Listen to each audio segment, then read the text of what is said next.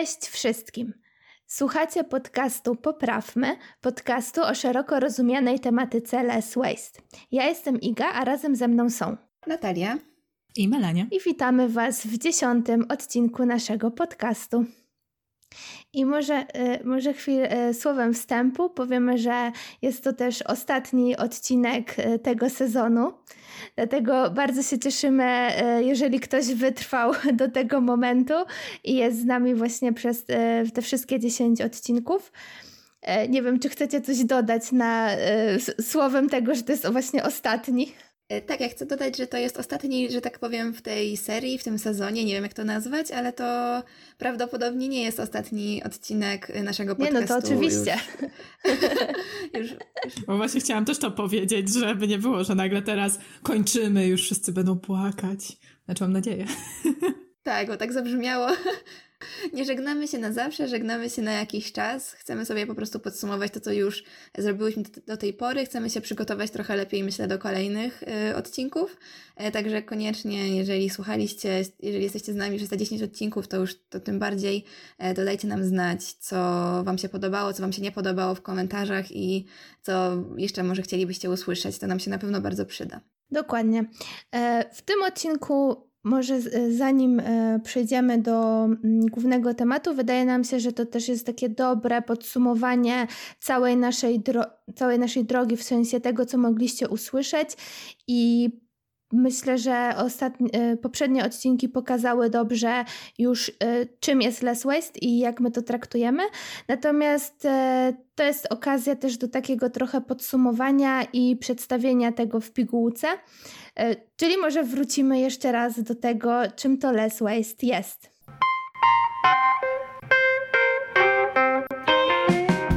Dobra, to tak. Y, chciałyśmy właśnie tak zebrać to, co wiemy i stwierdziłyśmy, y, że dla nas less waste i chyba to też tak najbardziej podsumowuje, to są takie trzy kroki, mm, które możesz wdrożyć, wdrożyć już teraz i które bardzo dobrze nazywają e, to, czym jest less waste. Czyli po pierwsze, to jest uświadom sobie, czego potrzebujesz. Po drugie, przemyśl swoje zakupy. I po trzecie, gospodaruj tym, co masz. Tak, dokładnie. To bardzo, bardzo na pewno ułatwia myślenie o tym, e, co, czym to jest less waste, ale też chciałabym podkreślić, e, że jest to po prostu wybór i prawo do błędów, żeby po prostu pamiętać o tym, że to nie jest tak, że czegoś tam nie zrobisz już całkowicie źle, bo to jest po prostu wybór, wybierasz to, co dla ciebie jest odpowiednie. Ale ważne, że cokolwiek robisz, niż nic nie robisz. Tak, no i warto właśnie dodać, że wszystko ma swoje etapy, tak mi się wydaje. I tak jak Natalia tutaj przedstawiła te trzy punkty, no to wiadomo, że um, jakby ka każdy może, może, można zastosować w różnym odstępie czasu e, i w różnym momencie i warto właśnie też, też mieć taką świadomość po prostu swoich, swoich działań i myślę, że to jest też do czego to e, jakby ta idea less waste skłania, żeby właśnie e, zawsze się zastanowić, jak się zachowujemy, co robimy i jak to możemy zmienić. I jeszcze tak ostatnie słowo o less waste, to właśnie jest to wdrażanie małych kroków. Tak jeszcze musiałam to No tak, w sumie o tym cały czas gadamy, nie? Przekazać. Trzeba było. Należało przynajmniej. No właśnie, więc myślę, że też te małe kroki są dosyć dobrym przejściem yy, dalej, ponieważ zawsze trochę to, na czym postanowiłyśmy się skupić w tym odcinku, będzie dotyczyło pieniądza, możemy tak powiedzieć. Żyjemy, żyjemy w czasach pieniądza. E, w każdym razie postanowiłyśmy się zastanowić, jak to jest w ogóle, jeżeli chodzi o taki aspekt e, ekonomiczny, ponieważ e, bardzo często się podkreśla właśnie zalety, jak dobre jest dla planety właśnie, czy zero waste, czy, czy less waste. No ale tutaj, tutaj stwierdziłyśmy, że jakby budżet, budżet musi się zgadzać, dlatego um, jakby troszeczkę może. Yy, dlaczego to warto wprowadzić i dlaczego nam się to opłaca yy, ekonomicznie? Tak, ja też jeszcze chciałam dodać, że właśnie zero waste bardzo często, czy less waste kojarzy się z tym, że to jest drogie. Znaczy, na przykład ja sama też miałam jakieś takie poczucie, zanim w ogóle zaczęłam bardziej się tym interesować, że no nie wiem, się to kojarzyło bardziej właśnie z tymi różnymi gadżetami, z jakimiś, nie wiem, produktami, które trzeba mieć, produktami, które powiedzmy w szkle często są droższe, no bo taka jest prawda, że teraz na tym trendzie, że tak powiem, eko, mnóstwo firm jakby mając też dobre produkty oczywiście często, ale no te ceny też są bardzo przytłaczające i w pewnym sensie chyba taki pierwszy odruch, z którym nam się kojarzy właśnie to Zero Waste, to są te takie drogie produkty, jakieś ładne, ładnie zapakowane, napisane ekologicznie, nie wiem, szklane czy nie, różnie to firmy robią, ale myślę, że to jest to, co najpierw widzimy jako, że tak powiem, konsumenci w sklepach, a potem dopiero mhm. Melania, widzę, że chcesz coś dodać. Tak, bo ja chciałam powiedzieć, że w sumie dokładnie tak samo myślałam, zanim zaczęłam się zagłębiać, już można powiedzieć, nie wiem, z dwa, trzy lata temu. Y, jak zaczęłam cokolwiek nawet czytać, tak myślę, y, w sumie to nie jest aż takie y, drogie, to jest wręcz przeciwnie. Nawet wystarczy, że przeczytać pierwsze te zasady, to już po prostu wychodzi na to, że to wcale nie jest związane z wydawaniem pieniędzy. W sensie jest wszystko związane z wydawaniem pieniędzy, żeby coś kupić, ale to nie jest tak, że po prostu będziesz teraz y, musiała płacić, nie wiem, miliony. No raczej nie jest tak, że to jest droższe niż to, co miałaś, a dzisiaj spróbujemy się, spróbujemy trochę przedstawić, że tak naprawdę y, może być tańsze, czy jest tańsze. I chciałyśmy, y, tak już też chyba przechodząc dalej, y, zacząć od tego, y, od takiego bardziej szerokiego, globalnego obrazu, Mm, I zastanawiałyśmy się właśnie też nad takimi kosztami, o których w sumie się chyba nie myśli na co dzień, o których w ogóle sobie, no nie rozmawiamy sobie o nich e, przy, przy stole z rodziną, e, prawdopodobnie. E, I to są takie... Chociaż zdziwiłabyś się. No właśnie dlatego dodałam prawdopodobnie. E, natomiast tak, to co chciała, chciałyśmy tutaj podkreślić, przedstawić, e, to są takie koszty e, związane ze zmianą klimatu. I one już są mniej więcej wyliczane. Wiadomo, że to są koszty szacunkowe, przyjęte na różnych założeniach. E, natomiast jakby nas na pewno mm, te koszty na przykład wynikające z anomalii pogodowych, czyli z huraga, jakichś huraganów, z jakichś zniszczeń, z takich konsekwencji no, negatywnych tak naprawdę, czy z suszy, która teraz nam będzie e, doskwierać. E, no, w wyniku suszy, nie wiem, jedzenie będzie droższe, tak? I e, czy, czy będą w ogóle braki żywności. To są takie różne, różne konsekwencje, m, których tak na co dzień nie wyliczamy, a tutaj na przykład WWF z zeszłego roku, to, jest dan, to są dane, wyliczył, że tutaj te anomalie te koszty związane z anomaliami to jest aż 9 miliardów złotych rocznie. To jeżeli chodzi o samą Polskę. I te koszty też wciąż rosną. To też może warto ym, zwrócić na to uwagę. No też zmiany klimatu, y, też gdzieś tam wczytywałam się w to niedawno trochę bardziej. Na pewno też będą powodować, znaczy na pewno, jeżeli nic nie zostanie, nie, nie zostanie zrobione, nie podejmiemy odpowiednich kroków, tak, bo powiedzmy, że jakieś są podejmowane, ale to jeszcze nie są takie wystarczające, no to też PKB zacznie, zacznie spadać, więc jakby mm, dużo jest takich y, konsekwencji, o których może jeszcze nie myślimy, są bardziej globalne, a druga rzecz, która nie jest związana stricte z klimatem, to jest inny temat, co też y, na różnych, różnych źródłach y, jest traktowane podobnie, natomiast to też warto dodać, że smog to jest jakby inny temat, natomiast równie, równie ważny. I tutaj też chciałam to po prostu dodać, bo Smog również jakby wynika z mm, takich podobnych powiedzmy przyczyn typu nie wiem, no zanieczyszczenia powietrza, tak? To jest też coś, co sobie, sobie robimy i tutaj też sobie, tutaj znalazłam dane na ten, na ten temat, e, czyli od zanieczyszczenia, od, z powodu zanieczyszczenia powietrza yy, rocznie umiera 7 milionów osób i też te koszty spowodowane tym smogiem to jest yy, 5 miliardów dolarów, więc to też są olbrzymie kwoty, a na przykład, jeżeli chodzi o samą Polskę, to tutaj zostało to przeliczone e, na, że jakby zanieczyszczenie tymi pyłami, szkodliwymi gazami, szkodliwymi gazami to jest 300-800 euro w ciągu roku. I to, znaczy, to jest koszt na jednego Polaka. Więc te dane są, znaczy te koszty są dosyć, dosyć duże, to są koszty, których w ogóle nie czujemy tak naprawdę, tak na co dzień.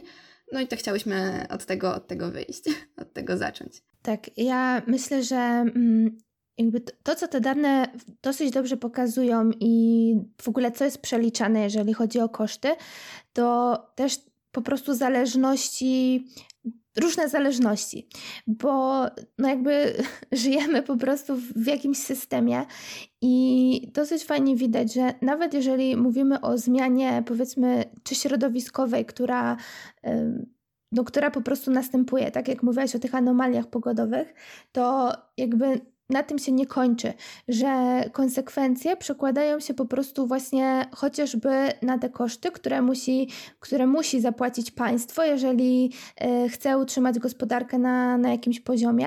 No a skoro my jesteśmy jakby też członkami danego państwa, no to jakby te koszty rozkładają się potem też na obywateli.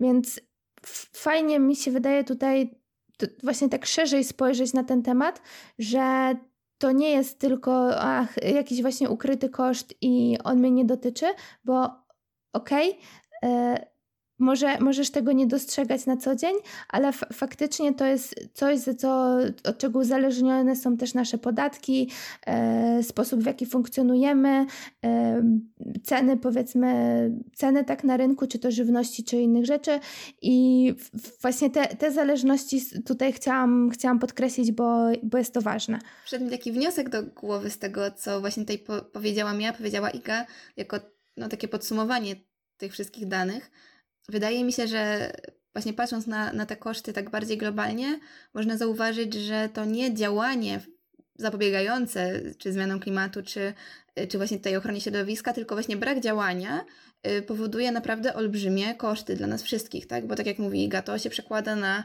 pojedyncze osoby i na nasze portfele tak naprawdę. I znalazłyśmy, mm, to też podlinkujemy później, ale znalazłyśmy dosyć fajną jakby piramidę, która obrazuje, jakie działania może podjąć dany, dany, po, dany podmiot. E, ponieważ Owszem, te, te zmiany, tutaj mówimy o, o kosztach, y, które są, które są powiedzmy na poziomie państwa, y, które odczuwamy my jako obywatele, natomiast właśnie różne podmioty mogą wprowadzać różne regulacje, które, które będą prowadzić do jakby ograniczenia tych kosztów, które pomogą nam na końcu, bo jako jednostka jesteśmy na końcu tej piramidy, jakoś się z tym uporać. I może tylko tak krótko powiem właśnie jakie to są podmioty, czyli jakby na samym dole właśnie mamy te ustalenia, które może wprowadzać y, państwo, czyli, czyli rząd. Następnie przechodzimy do regulacji lokalnych, które są właśnie po stronie, po stronie miast, czy w na przykład w przypadku Polski y, gmin, powiatów i to, to jest ten etap. Potem, a potem już przechodzimy do podmiotów rynkowych, czyli to, co mogą robić powiedzmy firmy, żeby jakoś się przyczynić i wspomagać do, do regulacji tych kosztów i na na końcu właśnie, tak jak już powiedziałam, tej piramidy jesteśmy my jako człowiek e, i nasze indywidualne działania, te małe kroki. Czy, czy chcemy jeszcze tu szerzej powiedzieć właśnie o, o tych, e, o tych podmiotach? No myślę, że warto jakby coś wspomnieć, co jakby każdy podmiot może zrobić. No dobrze, no i w przypadku, w przypadku mm, tutaj tego w sumie już o tym powiedziałyśmy, no bo e, rozmawiałyśmy o, o tych regulacjach e, właśnie rządowych, no to jakby to jest, to jest na szerszą skalę, które e, to są regulacje, które mogą wpływać na na, na dane państwo. I myślę, y, w sumie, w sumie tak jeszcze teraz pomyślałam, że można uzupełnić tą, tą, tą piramidę, ponieważ y, w naszym przypadku na przykład, y, na przykład wchodzą też regulacje Unii Europejskiej.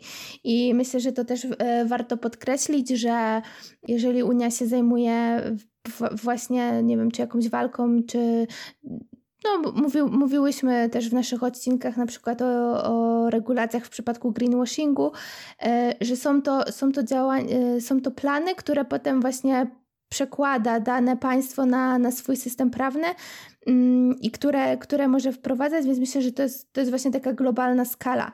I tak jak na przykład Natalia, Natalia mówiła o tych zmianach klimatu, no to regulacje, regulacje państwa to są wszelkie też no, programy pomocy, ale też e, nie wiem, jeżeli, jeżeli chcemy oszczędzać prąd czy, czy tego typu rzeczy, no to, to są wszystkie, wszelkie dofinansowania też do, e, nie wiem, do, żeby mieć własne źródła prądu, czyli, czyli to, no to są właśnie przykłady takich e, regulacji państwowych. Tak, które w dłuższej perspektywie powodują, że y, właśnie pomagają oszczędzać te pieniądze, tak? Czy właśnie przynajmniej y, obniżają koszty tych y, różnych anomalii. Tak, bo tutaj jak właśnie powiedziałaś o tej Unii Europejskiej, że nakłada właśnie jakieś wymagania, to przez to też jakby u nas mogą rosnąć ceny między innymi prądu, przez to, że też y, nałożyła regulacje e, przejścia na energię bardziej chyba odnawialną, e, a nie żeby opartą na węglu, co jest w sumie u nas. I, I to może być też powód tego, że na przykład ceny prądu rosną. Potem, jeżeli chodzi o kolejny poziom, i myślę, że to jest na przykład taka regulacja dosyć powiązana, ponieważ no to też zależy od różnych, no po prostu też w zależności jak sobie dany kraj przyjmie, ale są te regulacje dotyczące wywożenia śmieci i całych tych kwestii recyklingowych, bo tutaj też, też powinniśmy mieć świadomość, że no, czy zarówno sprzątanie ulic, czy to, to też kosztuje, ale właśnie e, syst cały system przechowywania odpadów, e, jak zarządzamy tymi odpadami, czyli też utrzymywanie wysypisk śmieci, no to to są koszty, które mogą być regulowane przez państwo, no ale też właśnie mają tutaj znaczenie e, różne regulacje w danym mieście, jak to, jak to jest rozwiązane i czy są właśnie jakaś pomoc, y, jak to, jak to prowadzić, tak? jak, to, jak to rozwiązać. Myślę, myślę, że jakby te y, tutaj, czy, czy państwo, czy, czy dane miasto, tutaj zarządy, no to to są to są już takie bardzo postanowienia dosyć mocno prawne i jakby w, w, tym, w tych obszar, w obszarach tutaj się poruszamy. Natomiast myślę, że możemy teraz przejść właśnie bardziej do tych działań e, właśnie biznesowych czy, czy jako jednostki i Chciałam jeszcze powiedzieć jedną rzecz, bo mm, jak przygotowałyśmy się do tego odcinka, to też E, oglądałyśmy e, takie wystąpienie, e, które też podlinkujemy. Natomiast bardzo mi się spodobało jedno zdanie, że łatwiej jest jakby zachowywać się w określony sposób nam indywidualnie, jeżeli czujemy, że nasze zachowanie jest akceptowalne. I akceptowalne może być właśnie przez to, jakie, jakie regulacje wprowadzą biznesy. Czyli y, ostatnim przykładem z, jest po, pozwolenie na e, zakup do własnego kubka, o którym już też e, dosyć e, często wspominałyśmy, ale w momencie, jeżeli dany biznes, tak, jeżeli dana kawiarnia jakby akceptuje i mówi, że tak, my, u nas jest to możliwe, w ten sposób jednostce jest nam po prostu łatwiej, łatwiej e, jakby z tego skorzystać i bo czujemy, że można. Bo z tym to mi się teraz skojarzyło, że nawet jakby było pozwolenie do pakowania do własnych mm, jakby opakowań, nie wiem, typu wędliny, czy, e, czy nie wiem, sery, czy cokolwiek, co kupujesz, no to też myślę, że byłoby dużo łatwiej, żeby ludzie to robili. Pozwolenie albo nawet właśnie jakaś zachęta, tak jak do wielorazowego kubka, nie? W, tej, w takiej formie, to już w ogóle wtedy, kiedy są te zniżki, o których też już mówiłyśmy często, to jeszcze bardziej zachęca, tak? No bo znowu tutaj jest aspekt ekonomiczny. Tak, dzięki temu na przykład ja już kupuję też ze swojego kubka, też nie ze względów też ekologicznych, bo to był pierwszy czynnik, dlaczego e, tak robię, ale z drugiej strony to też się po prostu bardziej opłaca, skoro i tak kupuję tą kawę, to warto to mieć przy sobie. Także dużo zależy, dużo zależy zarówno od rządów, jak od biznesów. Ja jeszcze chciałam na ten aspekt właśnie biznesowy troszkę inaczej spojrzeć, bo tutaj poruszyłyśmy bardziej kawiarnie, sklepy, czyli biznes i osoby indywidualne. Dla mnie też biznes kojarzy się mocno z pracodawcą. I tutaj też chciałam to podkreślić, że jednak bardzo często właśnie z tego środowiska jednak w pracy spędzamy dużo czasu i bardzo moim zdaniem dużo się przekłada na to, co robi pracodawca w kontekście tego, jak też myślą pracownicy o właśnie na przykład ekologii. Czyli jeżeli jako pracodawca, jako firma, w której jestem, e, ona wspiera takie działania, e, czy tutaj mm, fajnym przykładem, no niech będzie Uniwersytet Ekonomiczny jako pracodawca, czy w ogóle jako, jako uczelnia wprowadziła takie krany właśnie do, jak w amerykańskich filmach, nie wiem w sumie jaką to ma nazwę, kiedy można sobie napić się wody stamtąd. E, no i to powiedzmy też jest taki krok w kierunku tego, żeby nie kupować plastikowych butelek, tak? No samo to, że tam jest Green Team komisja, więc też jakby możesz się zaangażować na przykład w te działania i widzisz, że, że tam się coś dzieje. Tak, chodzi, tak, tak, jak najbardziej. Chodzi mi teraz o takie konkretne kroki, nie? Które y, firma może, bo też chciałam to odnieść do firmy, czyli jeżeli firma zachęca do tego, żeby nie pić z plastiku, a na, właśnie na przykład zainstaluje filtry, dzięki czemu możesz pić wodę z kranu bezpiecznie i tak dalej, y, no to to są bardzo duże moim zdaniem działania, które bardzo mocno mimo wszystko oddziaływują na osoby prywatne, bo potem się zastanawiasz też nad tym, co możesz przynieść do domu. Mm, także tutaj to też jest taki aspekt, mocno jednak biznes ma tutaj duży wpływ. Tak, dlatego się zachęca firmy, żeby na to zaczęły zwracać uwagę, no bo na to jakby konsumenci czy ludzie zwracają uwagę. Sama to samo ja na przykład teraz tworzę trochę taką bazę firm, które e, zajmują się CSR-em, ale zajmują się w taki lepszy sposób. W sensie, no bo sobie robię bazę firm, do których na przykład może chciałabym w przyszłości dołączyć. I, I zaczynam bardziej wchodzić e, w to i jest dużo firm, które na przykład mają to, ale, ale nie wiem, co konkretnie mają. I to jest na przykład problem dla mnie, bo, na, bo nie wiem, czy działają naprawdę tak, czy nie. Więc, więc warto, żeby, żeby jeżeli jakaś firma się tym zajmuje, to żeby też o tym jakby informowała. To ja chciałam powiedzieć, że jakby informowanie, świadomość jest ważna i y, bo mimo wszystko, no wydaje mi się, że też rośnie ta świadomość społeczeństwa i chęć jakby, żeby biznesy też były właśnie odpowiedzialne w tym aspekcie. Natomiast jakby właśnie wracając do, do kosztów, no to to, co biznesy mogą robić, no to, to właśnie też dobrze pokazuje, gdzie, jakich szukać alternatyw, tak? Czyli mamy koszt zainstalowania tak, te, tego kranu z wodą zamiast właśnie cyklicznego kupowania powiedzmy butelek, to, no co, co oczywiście podejrzewam, że utrzymanie tego, tego kranu te, też, też generuje jakieś koszty, no ale mówię, to, to już są takie stricte wyliczenia, wyliczenia biznesowe. No ale myślę, że też możemy tutaj teraz przejść do naszych y, indywidualnych oszczędności. Czyli do tego, co jest najciekawsze i na, właśnie to chyba na to wszyscy czekają, tak? Czyli jak ja mogę oszczędzić pieniądze. Tak, właśnie myślę, że no to w sumie wszystko wychodzi od nas pojedynczych jednostek, tak czy siak, więc to jest ogólnie y, też jednym mi się wydaje, że najważniejszy w sumie tak naprawdę punkt, bo ogólnie tutaj trochę się zaj- zajęłam matmą przed, przed przygotowaniem. Mm. Ekstra. Aha, myślałam, że teraz w trakcie... Le- lekcje, lekcje nas nie słuchałaś. No więc uwaga, teraz wyciągajmy wszyscy kalkulatorki. Będziemy liczyć. Tak, nie, nie, dobra, troszkę żarcików, ale ale tak prawdę mówiąc, to jak sobie to wyliczyłam, to zobaczyłam, ile po prostu oszczędziłam przez te ostatnie, nie wiem, dwa lata. To zaczniemy od tego, dlaczego warto na przykład nawet y, zacząć, y, no, przerzucić je z wody butelkowanej y, na powiedzmy kranową albo filtr, albo filtr. Bo to też jest różnica. Ale tak czy siak są dużo lepsze te alternatywy niż kupować wodę butelkowaną. To tak, powiedzmy, że tak średnio butelka y, jakiejś tam wody półtorej litrowej kosztuje około 2 zł. Tak sobie weźmy pod y, taki jakby miernik tego. No i to przeliczmy, że pijemy właśnie dziennie y, to półtorej litra y, przez 365 dni. To wtedy wychodzi, y, że musimy zapłacić za tą wodę ponad 1000 zł, a dokładniej 1095 zł. No i za tą kwotę to można kupić sobie dużo fajnych rzeczy, prawda? I oczywiście tyle zaoszczędzimy, jeżeli przerzucimy się kompletnie na kranową wodę, czyli bezfiltrowanej i no i tak dalej. Ale jeżeli przerzucimy się z butelkowanej na filtrowaną, to wtedy zaoszczędzimy 975 zł, gdyż yy, taki filtr około nie wiem, na 12 miesięcy powiedzmy kosztuje 120 zł, bo ja wzięłam jakiejś tam takiej najtańszej, można powiedzieć, firmy, bo nie będziemy robić tu lokowania produktu, takich, co ja używam i tak 10 zł powiedzmy średnio wydaje na miesiąc, więc to jest tak dużo lepsza alternatywa, bo też są inne możliwości, które mam w domu, jak wbudowany filtr e, tutaj w swoim rodzinnym.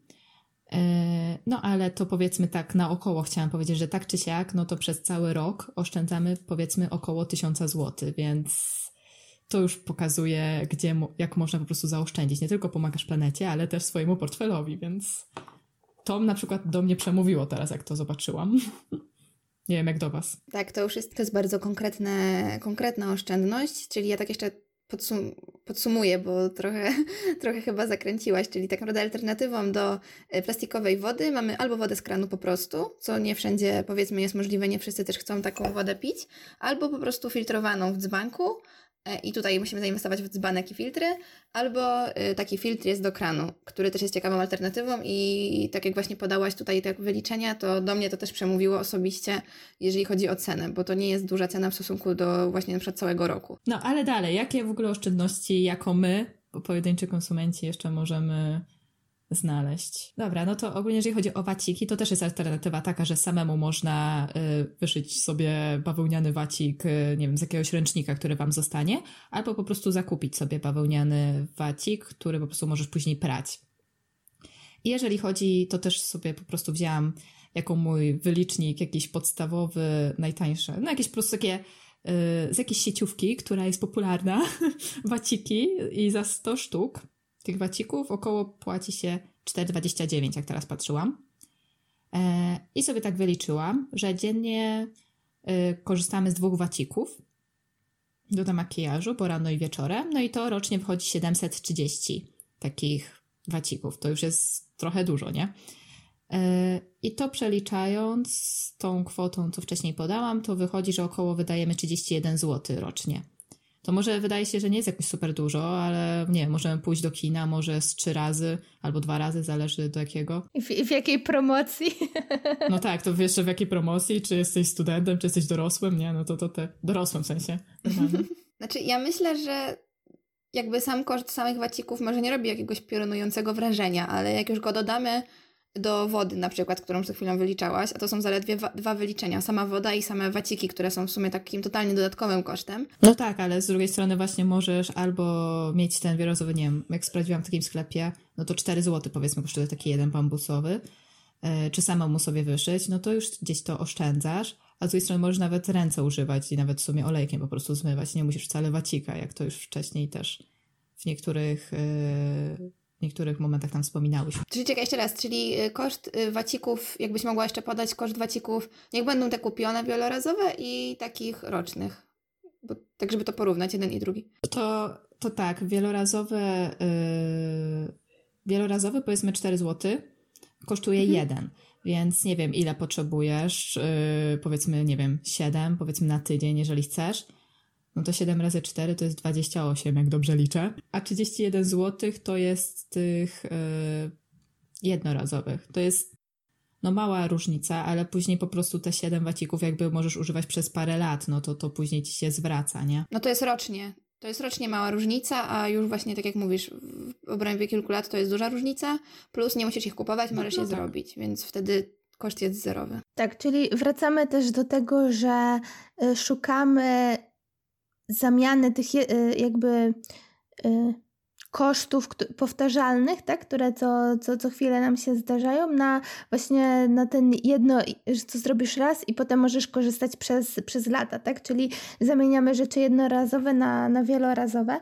Natomiast ja jeszcze y, w sumie też, oczywiście różne, różne firmy też różnie to regulują, natomiast y, też zauważam, że no, od dłuższego czasu jakby popie, popiera się wszelkie faktury czy rachunki, e, żeby jednak prze, przejść na wersję elektroniczną, żeby, żeby właśnie nie generować tych e, pocztowych tutaj też odpadów. Można, y, można przejść na te elektroniczne e, formy, formy płatności, ponieważ też znaczy na elektroniczne potwierdzenia płatności, ponieważ Często jest też tak, że e, firmy od tego uzależniają wysokość rachunków, na przykład telefonicznych.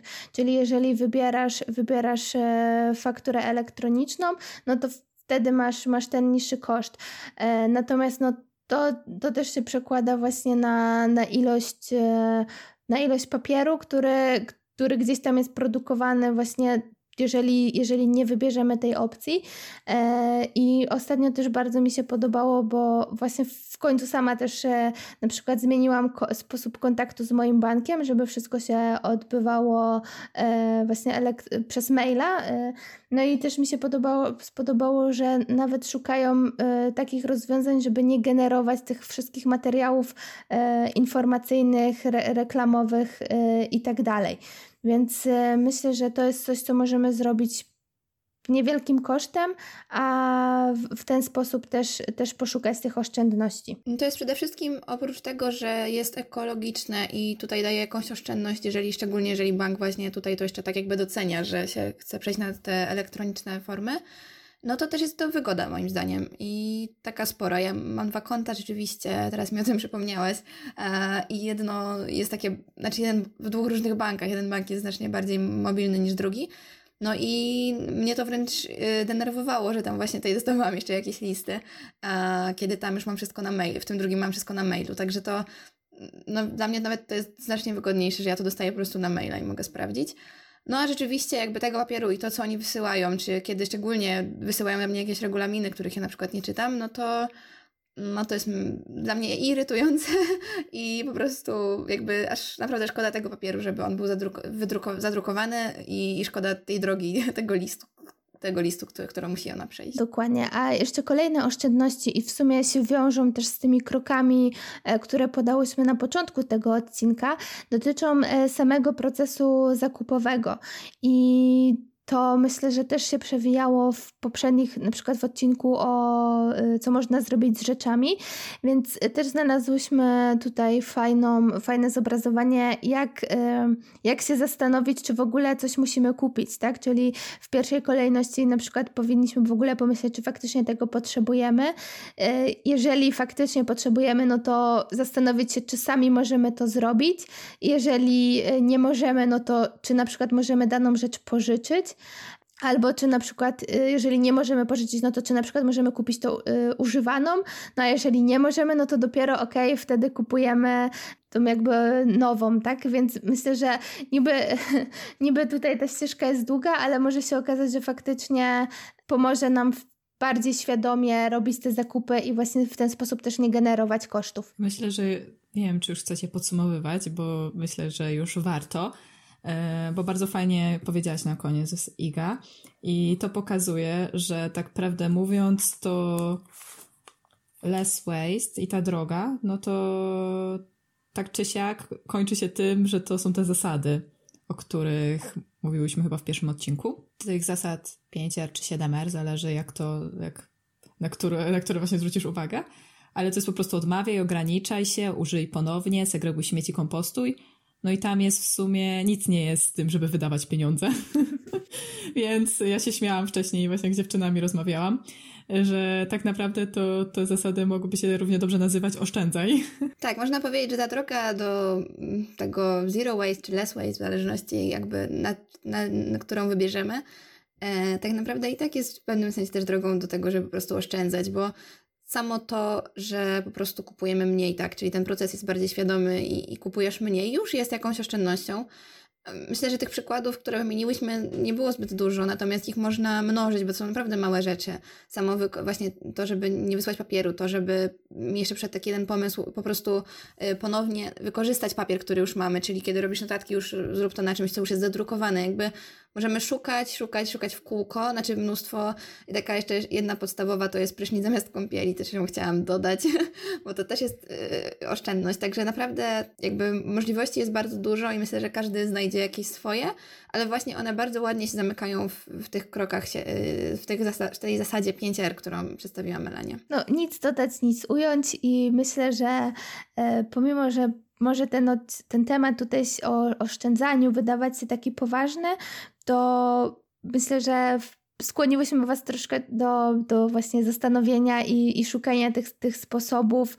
Mm, I jakby też, też to było naszym założeniem, żeby pokazać, że to less waste może się po prostu opłacać w różny, w, w, różny sposób. I że to wcale nie jest trudne. Dokładnie, więc e, myślę, że czas podziękować po prostu za, za to, że e, za odsłuchanie tego odcinka. Jeżeli, jeżeli macie ochotę i zostawić jakiś komentarz, to też ba, bardzo chętnie potem poczytamy.